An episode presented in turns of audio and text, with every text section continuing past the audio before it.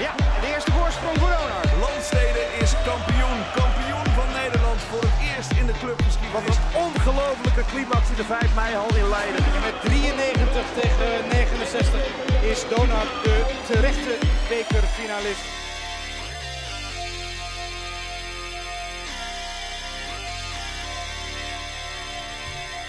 Welkom bij DBL on Sunday. Aflevering 8 van het eerste seizoen. En een seizoen ehm, waarin we eigenlijk maar twee afleveringen konden wijden aan de Dutch Basketball League. In ieder geval de wedstrijden die toen gespeeld werden. Maar zoals we weten ligt de competitie stil en uh, zit er nog steeds geen schot in de hele situatie. Tenminste, er zou afgelopen vrijdag een uh, gesprek plaatsvinden met de minister van Sport en Gezondheid. Maar die ging helaas niet door. deze week weer een nieuwe kans. We gaan afwachten uh, wat het perspectief is voor uh, de Dutch Basketball League. Wat we wel weten is dat uh, aanstaande vrijdag de Orange Lions voor het eerst gaan spelen. Um, dat doen ze eerst tegen Zweden en op zondag tegen Turkije in de EK-kwalificatieronde. Maar goed, wel een podcast zoals je van ons gewend bent. en ik zeg ons, want ik ben niet alleen. Want ik ben Wouter van der Made van de Dutch Basketball Podcast. Maar zoals altijd is er ook Elliot Cox van, dus nu net nieuw, de Benelux Hoops podcast. Elliot, hoe gaat het man? Uh, it's going good, Wouter. Uh, hoe, hoe gaat het? Met mij gaat het uh, prima, Elliot. Dankjewel. My pronunciation's not great, but I'm, I'm working on it. oh, nou, dat gaat helemaal goed komen, Elliot. Um, ja, ik noemde het net al. Het was een, een rustige week. Um, ja, je zou, we zouden kunnen voorbeschouwen op uh, het hele interland gebeuren.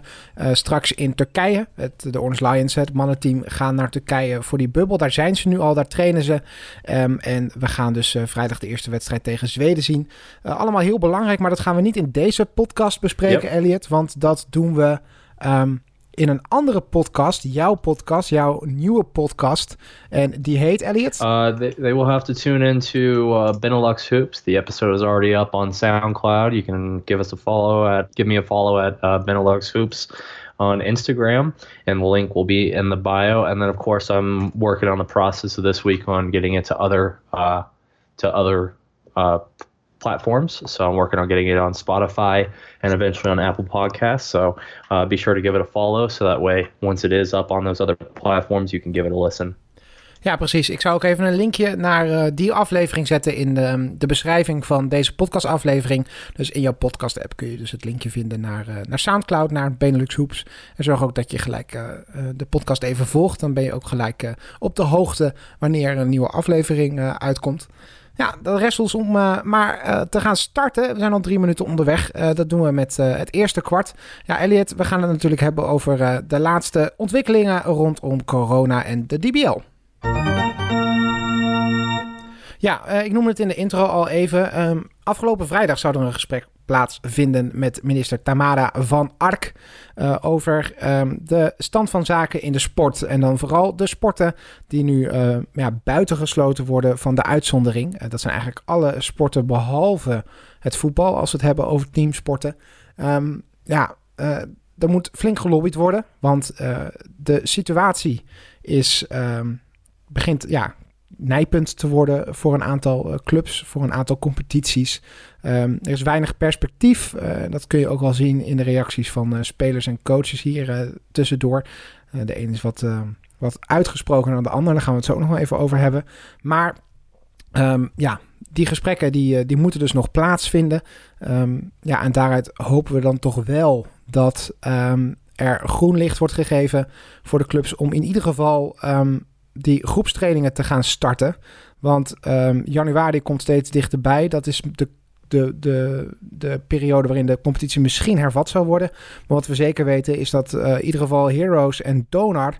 die gaan dan Europese basketbalwedstrijden spelen. Dus het is, uh, het is erg belangrijk. En uh, ja, we wachten toch echt op dat, dat groene licht. Yeah, you know, and you take what you can get at this point... uh, obviously with all the and it's and it's not without warrant. You know obviously sports are continuing in the uh, here in the united states uh, with uh, with college basketball and everything like that. And we've been having major problems. So many college football games have had to be rescheduled and postponed. There's a lot of fear and uncertainty about the upcoming uh, college basketball season. And as far as the nba is concerned the proposition has been brought up about doing a bubble as well because you know the, the the containment has been a massive question mark. So it's not without good reason. But that being said, I, I do think that you know they have to they have to give something. You know, like it's just it's not fair to the players and the coaches to basically say you can't do your job. Like, what do you want them to do? You know, they're, they they they are here to play basketball and to and to work that, and that's how they give to the community is by helping is by helping those communities through the uh, through the avenue of sport. So I mean, I it's tough, you know, Wouter. I, I understand the concern from the government, um, but I also understand the frustration from the players and the coaches, and especially when you see that soccer has been given such a easy pass, even though it's having its own troubles with containing the virus. Ja, precies. Ja, het uh, sluit mooi aan bij wat uh, Ivan Rudes uh, tegen de Groninger pers heeft gezegd. daar neemt hij toch wel echt een, een, um, een stelling in, een, een vrij duidelijke stelling. Um, hij is teleurgesteld in hoe Nederland omgaat met topsport. Helemaal als je kijkt naar de landen om ons heen. Um, ja, daar gebruikt hij toch stevige woorden. Ook wel mooi, vind ik. We hebben het inderdaad vaker gehad over het feit dat er weinig mensen zijn in de DBL die zich echt uitspreken um, tegen um, hoe het nu geregeld is. Even los soms ook van de coronaregels. Um, dus ja, wat vind je van, van Ivan Rudes en zijn, uh, zijn uh, commentaar op, uh, op alles, de hele situatie? You know, I, I, I sympathize with a lot of what he said. Because, and this is something that we've been talking about in all the previous episodes ever since the ever since the suspension of play. It's always been frustrating that you're basically telling the nation only soccer is what we care about sports wise, which is a discredit to the very talented national teams the Netherlands has in, in far, as far as women's basketball goes. Um, obviously, the rugby club has made great strides. Uh, you know, there's a lot of there's been a lot of improvement, but you're really devaluing devaluing those sports and uh, I, I think he's I think he's warranted with his complaints because it does seem to be a double standard, and I, to to treat basketball like this, which to say that basketball is not an avenue where the Netherlands can't make an impact globally is wrong.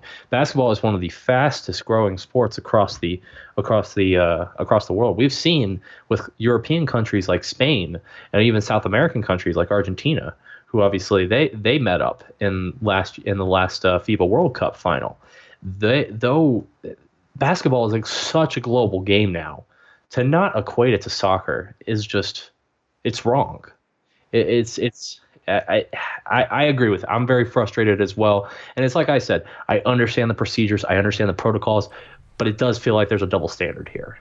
Ja, en ik heb het al wel eerder gezegd. Um, en ik snap eigenlijk nog steeds niet waarom zoiets er niet is. Um, want voetbal toestaan omdat het een maatschappelijk um, doel dient, um, dat is één ding. Veel gehoord argument is ook dat voetbal uh, in staat is om op een veilige manier de wedstrijden te organiseren. Nou, wat je ook al zegt met college basketbal, eh, dat kun je ook weer tussen aanhalingstekens plaatsen. Want er zijn nog steeds COVID-besmettingen, ook gewoon in, in de eredivisie. Um, dus wat ik eigenlijk ook hoop is dat er uit de gesprekken komt dat, dat het ministerie eindelijk eens komt met een lijst. Waar moet je als competitie aan voldoen om te mogen starten, om veilig genoeg te kunnen starten. Um, als jij en dat je als competitie uh, kan bewijzen, wij voldoen hier aan en dat je dan gewoon mag starten. Kijk, en als Nederlands basketbal dan niet in staat is om die eisen te, uh, tegemoet te komen, hè, om daaraan te voldoen ja, dan hoor je mij ook niet meer. Want dan kun je gewoon niet op een veilige manier een ja. basketbalcompetitie organiseren. Maar op dit moment um, is zelfs dat er niet. Um, dus ik hoop gewoon echt dat er gewoon een checklist komt. Dit moet er gebeuren in yes. deze fase and van het I think virus. that a very workable solution is that, and I and I can't help but but think about you when you went to the uh, Hammers uh, Heroes game um, in the round one of this season. Hammers did a fantastic job. They had people with the temperature readers at the start, at the beginning, at the gate, so nobody with over. You, there wasn't any fans.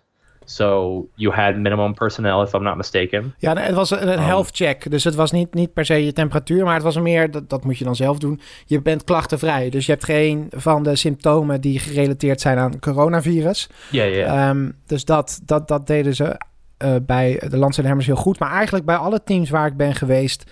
ehm, en ik ben toch bij best wel wat wedstrijden geweest. ehm, in eh, die vrij korte periode. Ik ben ook in Almere en in Den Haag geweest, eh, bijvoorbeeld. Ja, die hadden het gewoon ontzettend goed voor elkaar. Ehm, eigenlijk alle teams waar, waar, waar ik kwam. Hè. Bij Den Haag liep de gemeente rond om te kijken dat er echt niemand op de tribune ging zitten. Bij ehm, eh, Almere was er beveiliging aanwezig. Ehm, en verder echt helemaal niemand behalve eh, eh, een kleine afvaardiging van beide clubs. Nou, dat, dat, dat, dat kan en dat, dat, moet ook, dat, dat moet ook gewoon kunnen. Eh, die gewoon netjes op anderhalve meter zaten. Dat was ook allemaal aangegeven in het topsportcentrum. Ehm, ik ben nog bij Academie Limburg geweest, waar ze ook gewoon alle maatregelen hebben genomen. Bij Den Bosch, toen er nog wel gewoon publiek in de zalen mocht. Ja, alle clubs hadden eigenlijk een protocollen van de kleinere tot de grotere ploegen prima op orde. Ja, dan, dan wordt het wel heel krom hoor, om te zeggen dat zij niet mogen starten eh, en de eredivisie eh, wel. I agree. I, I and yeah, that's and I didn't mean to to uh to take away from any other clubs because everybody was doing a fantastic job. I mean, it should be noted outside of the BL, BAL era scare and eventually the um, I believe it was the the Hague that had a, a couple players that tested positive. Outside of that, the the the the league across was very well contained, and I think that you can make the argument that that can work very well for a season. You you establish clearly what the regulations are. Players need to be kept in many bubbles, as per se. Um, not too much outside contact because obviously you don't want the virus to spread to your players and you want to keep the players safe. Um, I know that may be rough to some of the players, but that's just the reality of what of the world we're in right now. And then of course, you know, I and I don't agree with how it was executed with BAL Eris, but you can you can take an example of that if there's a team that has violated policy and and has players test positive as a result of it, then the punishment for that team would be just to forfeit that match. So you have incentivize incentivization for the clubs to keep to to be as safe as possible because not only you of course at the end of the day player and personnel safety is the most important thing. And i think that it should be noted that even though basketball is much close quarters you also have much staff required than you do for say a soccer match. Um, but you know if it incentivizes them for player and personnel safety but more importantly you incentivize them by saying hey these are the policies this is what you need to do and if you don't do that well you're taking a dip in the standings. Sorry. So I, I think it's very workable and i think the fact that the, that the ministry of sport is not willing to to explore that kind of option is uh, is disappointing and I, I think that comes back to what uh, Ivan Rudez said uh, that the fact that they're not even giving them a chance to to try Ja, just zeker. very disappointing Ehm, en, maar ik moet dan wel meteen zeggen, als straks de competitie weer start, moeten we nog even goed naar die COVID-protocollen kijken als het gaat om besmettingen. Want wat er tussen Bal en Ares gebeurd is en tussen Den Bosch en Feyenoord, ja, dat, dat kan gewoon niet. Want ehm, er zijn hele duidelijke afspraken over gemaakt. Ehm, daar hebben we het ook over gehad. Eh, mocht je die nog willen lezen, dat kan volgens mij onder andere op, eh, op de, de website van Leon Kersten. leonkerstenbasketbal.nl. Die had het allemaal heel mooi op een rijtje gezet. En dat zijn eigenlijk regels. Wat doe je als er een besmetting is? Ehm, en die regels zijn volgens mij in het geval van Bal en Ares zijn die nageleefd. Alleen moet je dan niet als clubs onderling afspraken gaan maken, wat Den Bosch en Feyenoord dus hebben gedaan, om de wedstrijd te verplaatsen. Ehm, dat moet je niet doen. Want dan moet je dus maar als club het geluk hebben dat je een tegenstander hebt die of er voordeel aan heeft dat, jou, dat de wedstrijd verplaatst wordt. Of ehm, ehm, die dan denkt van ja, dat komt ons eigenlijk best wel goed uit. Dat soort situaties moet je niet Hm. hebben. Als er COVID-gevallen zijn, dan moet je gewoon... ehm, dan moet je gewoon de regels volgen zoals je die met elkaar hebt afgesproken... en niet onderling afspraken gaan maken. Eh, maar goed, dat gezegd hebbende, ehm, ik vind het goed... als over het tweede deel van wat je hebt gezegd... eh, daar even op antwoord. Ik vind het goed dat er nu een coach is ehm, van Donar dus. Ivan Rudes die zich zo hard heeft uitgesproken over wat er nu rondgaat. Ehm, dat heb ik echt wel gemist. Ehm Bob van Oosterhout was dus de eerste En was voorlopig de laatste totdat, totdat dus Ivan Rudes dat interview gaf. Ik heb eigenlijk nog weinig andere Mm. mensen uit de DBL zulke stevige taal horen spreken. Ik denk dat het een goed signaal is naar de fans van Donar dat hun coach eh, daar zo fel over is. Ik denk het laat betrokkenheid zien. Helemaal als nieuwe coach dus.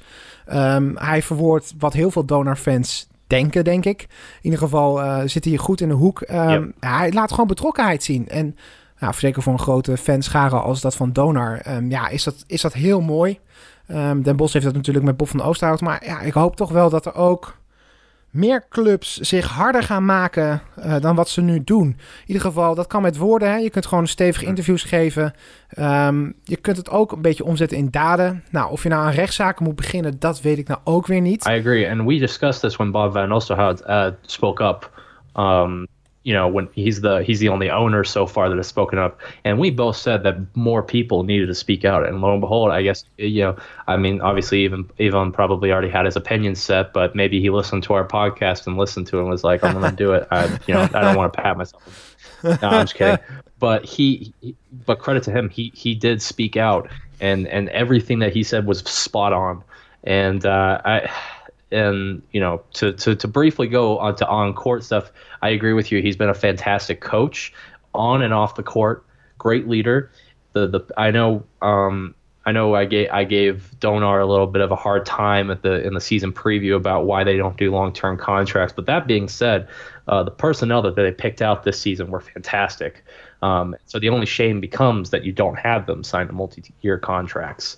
Um, but they they really did their homework this year. This was a fantastic team.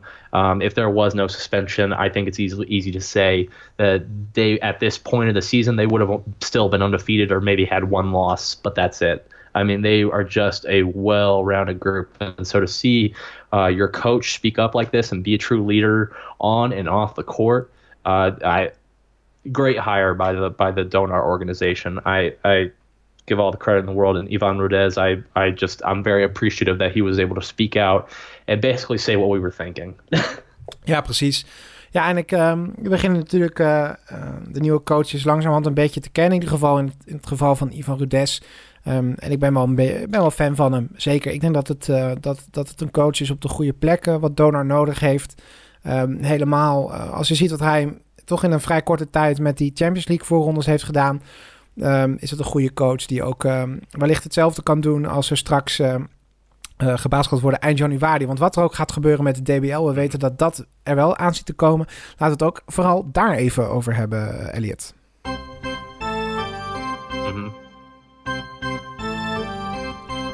Ja, want eh, Europees basketbal, de FIBA Europe Cup, eh, de laagste Europese competitie van FIBA, eh, was al eerder uitgesteld. De vraag was of het doorgaat, wat ze er precies mee gaat doen. En de eerste hoge woorden zijn eruit, want ehm, er gaan zes groepen alle, allemaal in een, in een bubbel spelen. Eigenlijk een beetje hetzelfde als met Eurobasket en wat we al eerder zagen met de voorrondes van de Champions League, waar Donar aan deelnam. Ehm, ja, dat gaat dus gebeuren in een bubbel. Waar precies? Ehm, dat weten we nog niet. We weten dat zowel Heroes ten Bos als Donor Groningen, die trouwens allebei bij elkaar in een groep zitten, beide graag die bubbel naar hun eh Maaspoort of Martini Plaza willen halen. Ehm, maar goed, wat we ook weten is dat groep F definitief uit vier teams gaat bestaan. Het was eh, lang onduidelijk of bijvoorbeeld Mona Barme zou doen. Die is eh, vervangen. BC Parma uit Rusland is eh, het eerste team in die groep, gevolgd dus door Heroes Den Bosch, Donor Groningen en dit wisten we ook al, Boris Ven. Andere bekende namen van afgelopen seizoen, nou bijvoorbeeld eh Ironie Siona, waar Zwolle tegen speelde, evenals Kiev. Ehm, verder nog bekende namen als eh, Dnipro. Ehm, wie hebben we nog meer? Eh Belvis Monsenau, waar Donar dit seizoen nog in de eh, pre-season tegen speelde. Eh Egis Corment, waar de Landstedhemmers ook tegen speelden. Ehm, veel bekende namen dus in die FIBA Europe Cup. Ook wel wat clubs die hebben afgezegd. In Nederland bijvoorbeeld ook. Hè. Leiden en Zwolle doen het niet. Maar wat vind je van groep F, Elliot? Very interesting group to say the least. I, I personally Donar is my favorite um, to win this one, but I think if the heroes Donar, if and granted, this is the tough thing about them picking up where they left off because Donar would be my clear favorite if they were still playing, but with such a long suspension of play, you know, I have no idea how they're going to look um, coming into this. I still think that they'll do fine. Um, but that's where the question marks come in with these teams because Heroes was very talented. You could make the argument that they were the second best team in the DBL before the suspension uh, because they they took down Hammers and they pushed Donar to the wire. I mean, Donar had to have a second half comeback with major adjustments uh, to be able to dispatch, and they still won by one.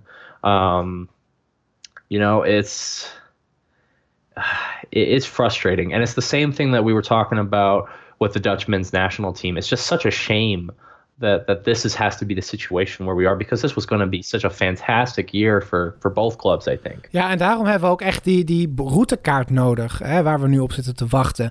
Dat uh, we weten wanneer er weer groepstrainingen mogen komen of dat we in januari weer mogen starten met de competitie. Kijk, we hebben het er afgelopen weken om gevraagd al. En, en voor, misschien voor de, voor de nationale teams zou dat niet meer heel veel uitmaken. Um, omdat dat gewoon al aankomend weekend is. Maar ja, januari is wat dat betreft A, heel dichtbij. Maar aan de andere kant ook weer, weer ver weg. Want ja, stel je voor, ze gaan uh, um, ook uh, het scenario uitvoeren wat die taskforce heeft uitgevoerd. Ja, dan kun je heel wat verschil maken als we zo snel mogelijk kunnen starten. Als we eind januari naar die belangrijke Europese wedstrijden gaan. Yeah, it's uh, you want to see these clubs have game experience, and at the very least, I think at the least you want to see group practices resume because I mean it's like we were talking about the other episode. It's just that basketball is a contact sport, and you can't. I mean, you can do drills with three people, but all of them involve contact, which of course it's being very limited right now. Ja, wat, wat River de Jong zei um, uh, over het, uh, het spelen met de Orange Lions nu, want ze, daar mogen ze wel groepstrainingen houden. Uh, die, die toestemming hebben ze gekregen. Maar alleen al dat ze vijf tegen vijf kunnen spelen, dat was al zo ongelooflijk fijn om te doen. Ja, ja, individuele training is belangrijk. En um, ook, dat, um, ook daar kun je resultaten halen. Dat is ook een van de dingen opvallend die Ivan Rudes zei in zijn, uh, in zijn interview. Dat hij nog steeds verwacht van zijn spelers dat zij, ondanks dat zij niet in een groep kunnen trainen, wel alles geven op de individuele training of de, de 2 tegen 2 trainingen die ze, die ze eventueel hebben op anderhalve meter. Um, ja, dat. Maar goed, we moeten snel naar die groepstrainingen. Uh, dat is duidelijk. Is het dan al meteen helemaal verloren? Nee, want als we kijken naar hoe de DBL wil uh, gaan starten als ze in januari mogen spelen, dan gaan we naar twee wedstrijden in de week. Ja, dat, dan heb je, als je um, um, halverwege aan het begin van januari start, zo zes wedstrijden gespeeld voor de Europese bubbel. And you know, it's it's not it's not it's not ideal, but it will definitely it would definitely be much preferred. Ja, het is, uh, het is wel de meest ideale situatie voor nu dat ze, um, uh, dat ze zo snel mogelijk kunnen starten. Um, ja, met twee wedstrijden in de week. Dan kun je dus al best wel wat wedstrijden gespeeld hebben voordat ze, um, voordat ze aan, aan dus dat Europese avontuur beginnen. Het zou helemaal mooi zijn als ze dat gewoon in Nederland kunnen spelen. Ik heb niet echt per se een voorkeur of het uh, Donar of uh, Den Bosch moet, uh, moet worden. Misschien zouden ze hier ook samen in kunnen optrekken. misschien voor de kosten alleen al goed om dat te doen. Um, het zou mooi zijn, weer een tweede bubbel naar Nederland. Um, geef wat rust, geeft hun ook een beetje het voordeel. Want laten we wel eerlijk zijn, Donar um, zou in alle gevallen echt wel een, een, een favoriet zijn voor een tweede ronde als um, ze gewoon door hadden kunnen spelen. Maar goed, dan krijgen we weer hetzelfde verhaal als nu met de Orange Lions. Um, ze hebben geen wedstrijden. Um, en dat hebben Boris van en uh, Parma sowieso wel. en dan liggen de verhoudingen natuurlijk ook net anders. Het, het, het, valt en staat allemaal met hoe snel die groepstrainingen weer er wat kunnen worden. En dat is nog niet eens het belangrijkste, hoe snel er weer wedstrijden gespeeld kunnen worden. Dus uh, ja, laten we hopen dat we aankomende zondag, want dan gaan we ook echt wel, uh, als er zo'n routekaart gepresenteerd wordt, gaan we dat echt uh, wel bespreken. Maar goed, um, we moeten even afwachten. Um, januari is, zoals ik al zei, best ver weg nog, maar ook als het om sport gaat en trainingen, heel erg dichtbij. En er moet snel wat gebeuren. En ik denk dat Ivan Rudes het ook al duidelijk heeft gemaakt in zijn interview. En laten we ook hopen dat meer clubs zich uitspreken nog als het gaat om, uh, om die routekaart. En hoe belangrijk het is voor het Nederlands basketbal, maar ook voor al die andere sporten. Ondanks dat uh, de rest van de teams dus geen Europees uh, basketbal gaan spelen. Voor de tweede helft van deze aflevering ehm, laten we alle actualiteiten, alle feiten, ehm, alle non-fictie dingen even helemaal buiten beschouwing. Uh, we gaan gewoon even een leuk gedachte-experiment doen. Eigenlijk iets, Elliot, wat we al, uh, al een aantal weken doen. Gewoon voor de grap uh, via onze DM's op, op Instagram. Maar um, we gaan fantaseren over een Nederland waar basketbal um, de tweede sport is. In ieder geval heel belangrijk. Um, niet zo belangrijk als voetbal, want zelfs in een fantasiewereld lijkt dat onmogelijk. Maar laten we een land als uh, nou, Duitsland erbij halen. Um, waar basketbal ook een, een grote sport is. Um, ja, dat gedachte-experiment gaan we dus nu doen. Wat als Nederland een heel groot basketbal competitiesysteem zou hebben? Hoe zou die competitie er dan uitzien? It's the same way in Germany, where you know, as much uh, obviously Bundesliga is uh, is by far the the biggest thing there. Soccer by far, but you see basketball Bundesliga establish itself as the go-to second league for the country. Precies. Um, we hebben wel wat regels, want we hebben een, allebei onze lijstjes gemaakt met, uh, nou, wat zouden we graag willen zien. Um, welke uh, samenwerkingen zouden bijvoorbeeld zijn met eredivisieclubs, zoals je dat ook al bij het uh, basketbal ziet in andere Europese landen. Maar we, de, de, de mhm. leidraad die we hiervoor genomen hebben, um, zijn de beschikbare topsporthallen. We gaan niet iets fictioneels bouwen, het moet al bestaan. Um, daarvoor hebben we dus ook maar gelijk even de Wikipedia-pagina erbij gehaald met topsporthallen in Nederland. Um, daarnaast halen we toch al een beetje realisme. Amsterdam gaat niet iedere iedere week in de Ziggo Dome spelen. Ook niet in Ahoy in Rotterdam bijvoorbeeld. Maar ja, gewoon een leuk gedachte-experimentje. Welke teams ehm, zouden waar spelen? Welke samenwerkingen zouden er zijn? En in welke hal zouden ze spelen? Ja. Yeah.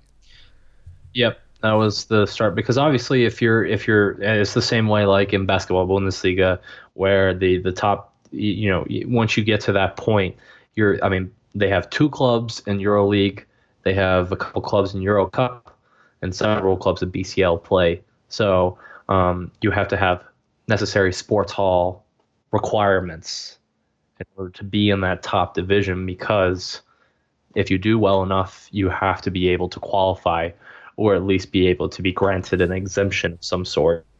Ja, precies. En zelfs al uh, uh, houden we Duitsland een beetje aan als een soort model. Um, het, zo groot als het in Duitsland is, kunnen we het hier niet doen. Want uh, Alba Berlijn speelt bijvoorbeeld in een hal waar 12, 14.000 mensen in kunnen. Die hal is eigenlijk alleen Ahoy in Nederland. Want de Ziggo Dome heeft bijvoorbeeld maar uh, plek voor 10.000.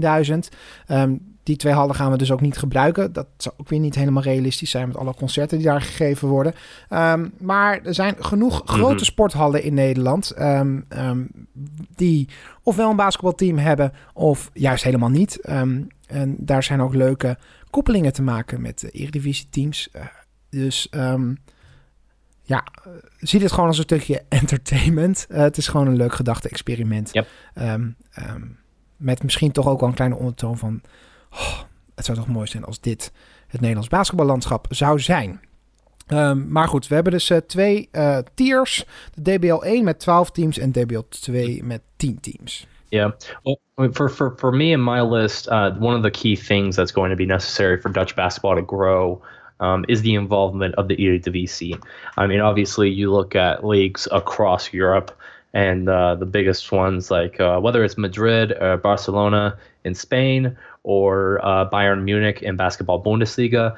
Um, having those clubs involved with their names, and we see it a little bit here in the DBL because obviously Feyenoord lend, lended their brand to the Rotterdam Challengers Club, which of course is now Feyenoord Rotterdam. Ja, en Almere heeft ook een samenwerking met uh, Almere City FC, toch? Exactly.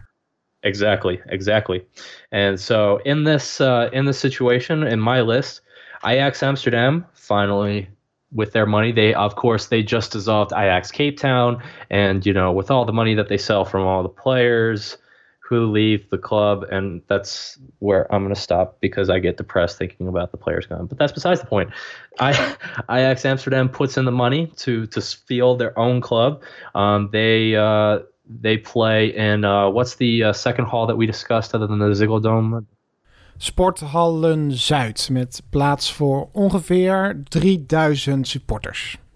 And um, they're they're a club that that continually pushes for you know Euro Euro Cup or BCL uh, because they meet that in stadium requirement. Of course, they'll have the budget because it's Ajax, biggest club in the Benelux region, and um, then we have Feyenoord Rotterdam, who is able to put in a little bit more money as well. Um, they'll still play in Top Sports Central in Rotterdam, which I think is a good fit for them because it's right next to Feyenoord's arena in their sto- soccer stadium. Precies, Topsportcentrum Rotterdam. Het zit er echt vlak naast, naast de Kuip. Uh, het uh, heeft 2400 plaatsen. Dat zou hartstikke mooi zijn als ze dat uh, in ons, in ons scenario verkopen ze dat gewoon mooi uit. Rotterdam is een moeilijke sportstad. Helemaal omdat er al gewoon drie voetbalteams zijn. Maar zeker zo'n zaal moet gevuld worden. Helemaal als je naam, de club de naam Feyenoord draagt in dezelfde omgeving zitten. Infrastructuur is er, dus dat zou allemaal hartstikke goed komen. Andere naam die zeker niet mag ontbreken, hebben, ze ook, we hebben hem ook allebei op het lijstje staan. Uh, Donar Groningen met de grootste sporthal, uh, 4350 mensen, zit er gewoon bij. Groningen basketbalstad. Um, ja, zelfs in, um, in zo'n ultiem scenario is Donar een van de top teams. Waarom zouden ze dat niet zijn? Een ander Eredivisie team die we graag zouden willen zien. Um, en dan hebben we ook meteen de grote drie, namelijk PSV. Hebben een basketbalverleden, want ze hebben in het um, verleden al wel uh, samenwerkingen gehad met een amateur basketbalploeg. Uh, nooit, naar mijn weten, in recente geschiedenis in de, in de Dutch Basketball League uitgekomen. Um, I believe that they never they never exceeded the third tier. I think the Divisie in basketball was their was their highest level. That they ever got to was the third tier, but I think they hovered around fourth tier, third tier because they didn't put a lot of money in. But in this scenario, PSV has finally put in a lot, put in the necessary money to be able to beat any of DC club. They play in indoor uh, Sports Centrum Eindhoven, which seats about 4,000. Ja, en zou dan ook meteen de op de twee na grootste uh, basketbalhal worden in uh, deze Dutch Basketball League 1. That would be huge, and I think I think that this would be an, a, chance for for uh, PSV to uh, to really establish themselves, and I, I think they're a club that could establish themselves in the Eredivisie at least, um, you know, and and uh, with a with a great sport hall like that, I mean, how could you not? Ja, en dan van de andere al bestaande teams natuurlijk ook de Hague Royals um, staat hier hoog. Um, ja, de Hofstad kan niet zonder uh, basketbalteam. Uh, hebben ook een basketbalteam nu. Uh, in dit, dit fantasierijtje hebben ze dat al heel lang. Is er misschien ook een kleine samenwerking met Aden Den Haag. Al weet ik niet of je daar nu nog mee geassocieerd wilt worden. maar misschien qua branding een beetje hetzelfde als Feyenoord nu heeft met, met de basketbalclub daar. Want heel veel intensieve samenwerking is daar ook niet. Um, maar ja, goed, Sportcampus 3500 mensen. I, I think these are the two clubs that as far as as far as their their sport hall is concerned, they have the most potential for growth because obviously they both sit over 3000. Ja, beide meer dan 3000. Um, een andere club, uh, is een nieuwkomer die we gekozen hebben. Um, dat is ook puur ook om, um, nou, omdat de stad geen basketbalteam heeft, maar ook omdat er een grote topsporthal staat.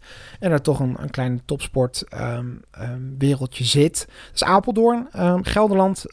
Joost United is natuurlijk daar die staat bij ons op het DBL2 schema, omdat zij gewoon in een hele kleine zaal spelen. Maar het talent zou misschien wel eens door kunnen stromen naar dit nieuwe team uit Apeldoorn, wat dus in de Omnisport uh, Centrum zou spelen. Um, beetje onduidelijk welke zaal. De baanwielrenzaal is misschien niet heel handig. Ze hebben ook een volleybalzaal waar eventueel gespeeld zou kunnen worden. En daar passen 2000 mensen in. Maar goed, Apeldoorn zou dan misschien wel de, de grote club uit Gelderland kunnen worden. Um, zoals ik al zei, het, uh, de, de zalen spelen mee in deze. I agree, and I think uh, Apeldoorn it would be a really nice opportunity to be a Leiden situation where there really isn't a major club, soccer club anywhere nearby, and you could really establish that that that that city as a, as a basketball city. And so I, I think there's an opportunity there. So whether whether in fantasy or real life, I think uh, if someone is considering starting another basketball club that they hope to get to the Eredivisie, Apeldoorn is a place they should look at. Precies. En uh, we, je noemde hem net al, Leiden, maar ook Heerst en Bos staan allebei gewoon in dit, uh, in dit rijtje. Niet weg te denken uit de Nederlandse basketbalgeschiedenis. Beide ook uh, een prima zaal. Leiden Uh, 2000 tot 2200 mensen. En Heroes de Bos met de Maasport 2450 mensen. Um, dat is natuurlijk allemaal hartstikke mooi. Um, Heroes misschien wat aanpassingen om Champions League te kunnen spelen. Bij Leiden is dat helaas wat, uh, wat verder weg, ook met de komst van de nieuwe hal. Maar uh, sowieso deze teams ontbreken niet op het hoogste niveau van de Dutch Basketball League. Let's see. And then I think these last two clubs is where we kind of, uh, the last three clubs, sorry, is where we differ a tad bit. For me, um, we had a Fortuna Sittard uh, uh, adding a club because obviously they're the uh, uh, top sports hall uh, there seats about 2,500. Uh, so that's a interesting. I mean, it meets the requirements. And then I had FC Utrecht, which they've indicated that they are interested in down the road becoming a multi-sport club. So that just was a no-brainer to me. And the sports, uh, the the dome there seats 1,500. Um, so it meets the requirements. Uh, they wouldn't... Ja, de dome die staat in, in hout even voor de administratie. Um, uh, wat je ook zou kunnen doen is de, de zaal waar U-ball, dat heb ik gedaan omdat jij um, in je tweede tier yeah. heb je ook uh, U-ball staan. Ik niet. Ik heb één team uit Utrecht en je zou ook de, de zaal van U-ball kunnen verbouwen en dat daar ook makkelijk 1500 mensen in kunnen. Yep, exactly. And then I had Eris Leeuwarden as my last club. Because their sport hall obviously seats 1700 so it's one of the bigger smaller arenas that are currently possessed there. Obviously leo varden um, is a little bit removed from the days when they were dbl runner-up uh, back in the uh, first de- part of the 2010s decade. But nevertheless they they remain they still have a really solid fan base. And uh, i mean the sport hall is is a good size but um, yeah. Do, do we have any disagreements with those last three clubs? Ja, ik heb uh, Ares helaas voor onze Friese niet uh, in DBL 1, maar in de DBL 2 gezet. Want ik kon het gewoon niet, um, niet voor elkaar krijgen om uh, de Hammers naar tweede niveau te zetten. Um, dat, dat vind ik niet eerlijk naar hun sportieve prestaties van de afgelopen jaren. Al, alhoewel dat bijvoorbeeld het, het, land, het Sportcentrum niet, het, niet de grootste zaal is in de DBL 1 en ook niet de grootste zou zijn in de DBL 2, uh, vind ik wel dat de Hammers gewoon hoorden um, in de DBL 1. Dus daar verschillen we. Dus even om uh, op te sommen. We hebben dus voor DBL 1 Ajax, Donar, PSV, de Hague Royals, Almere Cedars, ZZ Leiden, Heroes Den Bosch, Apeldoorn met een team, um, uh, Feyenoord, Landse Hammers, uh, BC Utrecht. En um, waar we dus verschillen is dat jij Ares Leeuwarden op in de DBL 1 hebt zitten. En ik uh, de Landstede Hammers.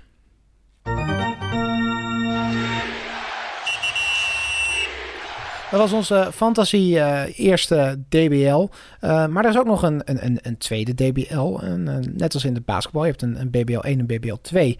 Um, en in deze situatie ook hier de laatste twee. Die, um, um, die degraderen dus naar DBL 2. En de bovenste twee naar DBL 1. Um, om even het wat sneller te maken. En wat hebben we over één? Nou, daar zitten de teams in die we al kennen. Basketbal Academie Limburg als een soort opleidingsploeg voor Fortuna Sittard. Uh, Apollo Amsterdam zit erin. Joost United zit erin. Uh, Den Helder. Um, dat zijn de teams die we afgelopen, uh, die we nu in de huidige DBL zien.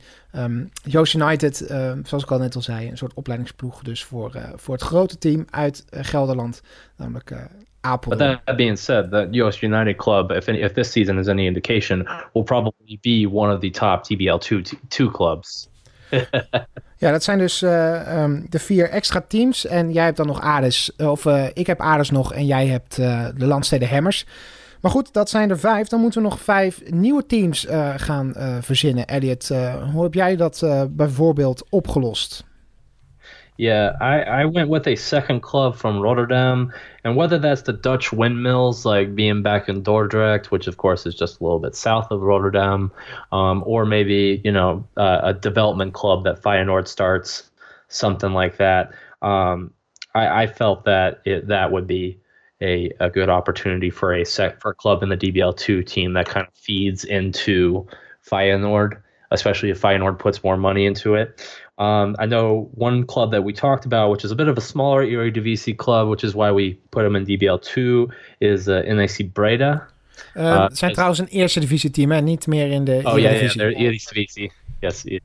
but uh, they they at one time sponsored a basketball side, and so this and this fantasy they they they resume that again. Of course, being not being an Eredivisie club anymore, uh, they don't have the money quite to to push a DBL one club, but they get a nice developmental DBL two team that. Uh, that can feed players into some of the bigger clubs. Ja, ik heb ook naar Breda opgeschreven. Um, toch weer wat meer teams uit Brabant. Uh, we, mo we, modelleren het natuurlijk ook een beetje naar uh, hoe het sport een beetje in Nederland is verdeeld. Hier en daar wat steden niet in het voetbal zitten. Maar uh, een paar extra teams in Noord-Brabant past zeker in dat rijtje. Um, met die mm -hmm. gedachtegang heb ik ook gekozen voor een tweede team in, in de omgeving van Rotterdam. Um, niet de Dutch Windmills. Ik heb gekozen voor een, uh, een club die nog bestaat. Dat is namelijk Binnenland. Het zou me ontzettend leuk uh, lijken als die ook een, uh, een, een, topteam zouden hebben. Naast dat ze dus een, een, een, team hebben straks dan in de Women's Basketball League. Hebben ze ook eentje in de DBL. Kan ook als een soort opleidingsploeg dienen voor Rotterdam omgeving. Dus uh, ja, binnenland mm-hmm. hoort zeker thuis bij mij uh, op uh, in dat rijtje. Yeah, for sure. And then next I put in U-Ball Utrecht. They've been a club that I mean obviously they just got uh, promoted to promote the VC this season. They have indications they they want to continue to grow. I think they would be a fantastic club that if SC Utrecht decides to sponsor a basketball club and continue to be a multi-sport club that they could make a deal with U-Ball and for U-Ball to be their developmental club or something like that. Um, so I think that that's uh, that's an opportunity there for a, for a DBL two team in Utrecht uh, to feed into uh, FC Utrecht's, or I guess in this case BC Utrecht's team. Ja, ik heb dus uh, maar één team uit Utrecht. En die zit dan ook meteen bij mij in de DBL 1, zoals ik net al zei. Um, ik heb uh, mm-hmm. gekozen, uh, ik heb weer een beetje gekeken. Eigenlijk net als met, met wat ik net zei bij bijvoorbeeld Binnenland. Ik heb een beetje gekeken naar hoe verspreid de Eredivisie zich over Nederland. in welke welke um, ja, omgevingen zitten dan Eredivisie-teams? Nou valt het meteen mhm. op dat uh, in Almelo er een, een Eredivisie-team is, maar ook in Enschede, SC Twente. Um, dus een van die twee steden zou dan ook een basketbalteam moeten krijgen, zodat ook um, de, ja, de Herman Vinkers-regio van Nederland uh, een basketbalteam heeft. ik heb gekozen voor Almelo, niet alleen omdat daar het ISSPA... Uh, uh, sportcentrum staat met de 1350 uh, stoeltjes. Uh, maar ook omdat vlak in de buurt ook um, Jolly Jumpers Tubbergen zit. Ook een mooie ploeg. Daar zit een, een, Women's Basketball League team. Um, dus het zou mooi zijn als uh, die omgeving zitten ook genoeg basketbalteams sowieso. Dus het zou mooi zijn als ook daar Eredivisie basketbal wordt gespeeld in die omgeving. Als een soort, ja, de, de, de Eredivisie afvaardiging van, van, um, um, van de regio uh, Almelo, Hengelo, uh, Enschede. Absolutely. The next one I put in is, is kind of a nostalgic pick for me. Uh, the West Brabant Giants, to see them come back to the DBL would be awesome. Obviously, that was a successful club. Um, you know, they had that awesome 2011, 2010, 11 season where, you know, they were sixth in the DBL but made a run to the finals and ultimately lost to Donar in five. Um, they had a lot of notable players that used to play for them. I mean, obviously now current Donar players like Thomas Kolnis and uh, Leon Williams. Um, so uh, to be able to see them in DBL two as a develop as a as a developmental back as a developmental club would be a fantastic um, would be a fantastic opportunity. So uh, that was that was kind of more of a of a nostalgic pick. I would love to see that club back. Oeh, dat vind ik een goeie. Ik heb hem niet. Ik, uh, nou, hij ontbreekt op mijne. Ik vind hem wel echt een hele goede keuze. Ik heb gekozen om, uh, net als uh, Binnenland, weer voor een andere amateurvereniging te kiezen. Die geografisch ook wel redelijk goed ligt en overeenkomt met, met de eredivisie. Dat is namelijk High Five Tilburg. Spelen een mooi nieuw sportcomplex. Um, ik denk dat je daar met, met van die um, opbouwbare stellingen een... Um, toch wel een, uh, ruim 1500 man kwijt kan. Het is een, een, mooie uh, amateurploeg. Zit bij dat, dat Brabants basketbalconvenant. Mooi weer een opleidingsploeg. Bijvoorbeeld voor een, een Den Bosch. zou mooi zijn. Of voor alle andere teams in, in Noord-Brabant.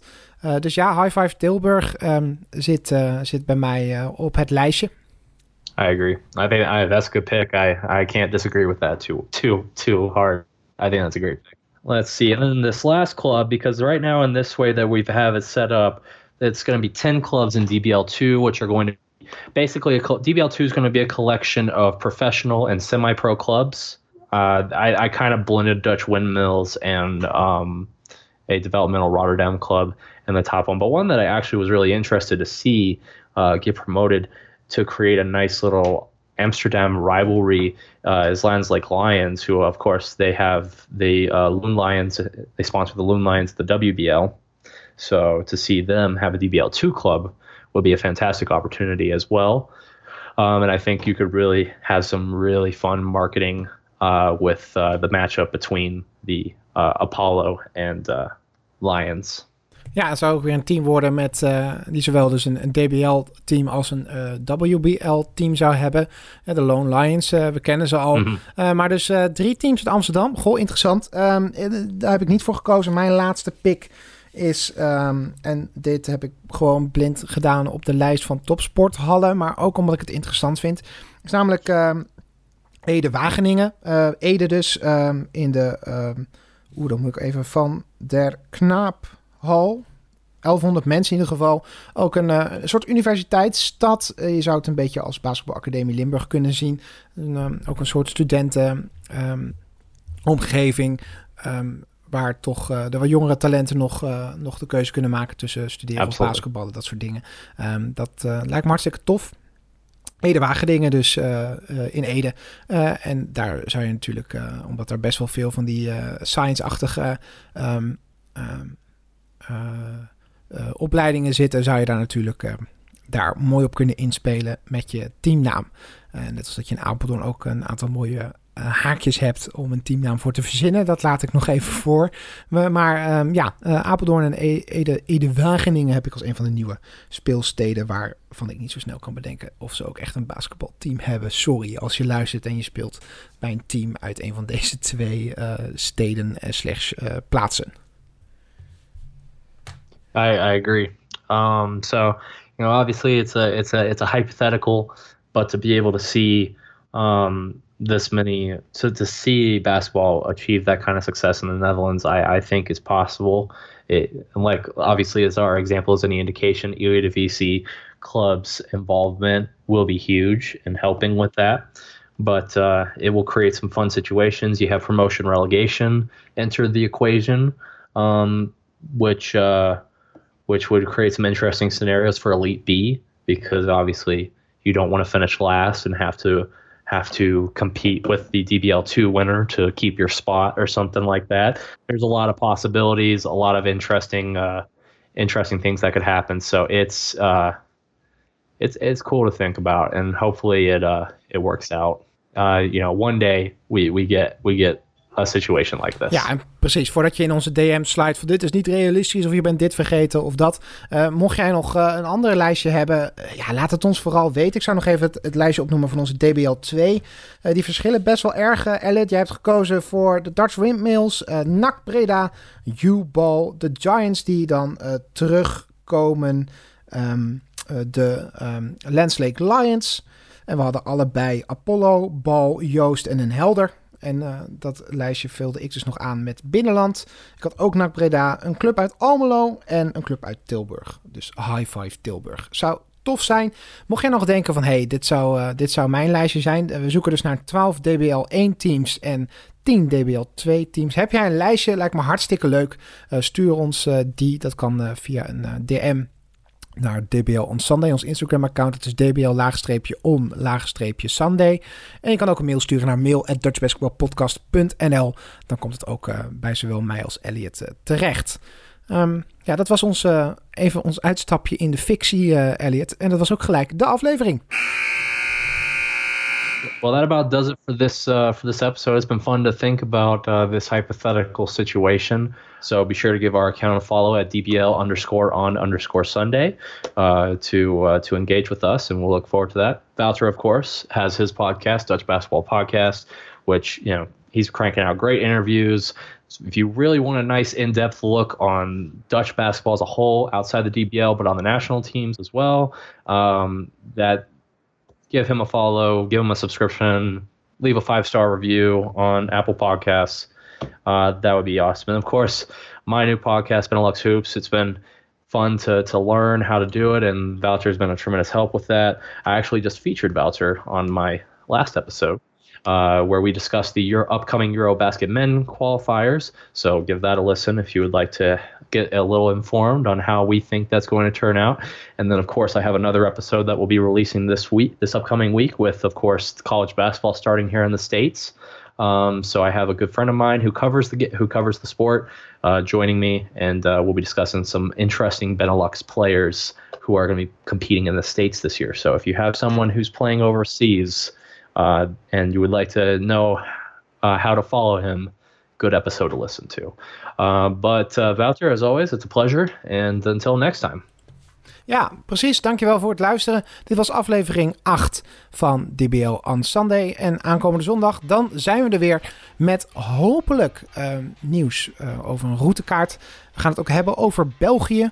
Uh, want um, daar gaat het niet heel erg goed. En ja, dan gaan we het automatisch ook over de Benelink hebben. Um, dus uh, stay tuned. En uh, ja, als always, geef ons een follow. Niet alleen op uh, social media, maar ook in je podcast-app. Dan weet je ook meteen wanneer er een nieuwe aflevering online staat. Nogmaals bedankt voor het luisteren. Tot zondag. Tot ziens.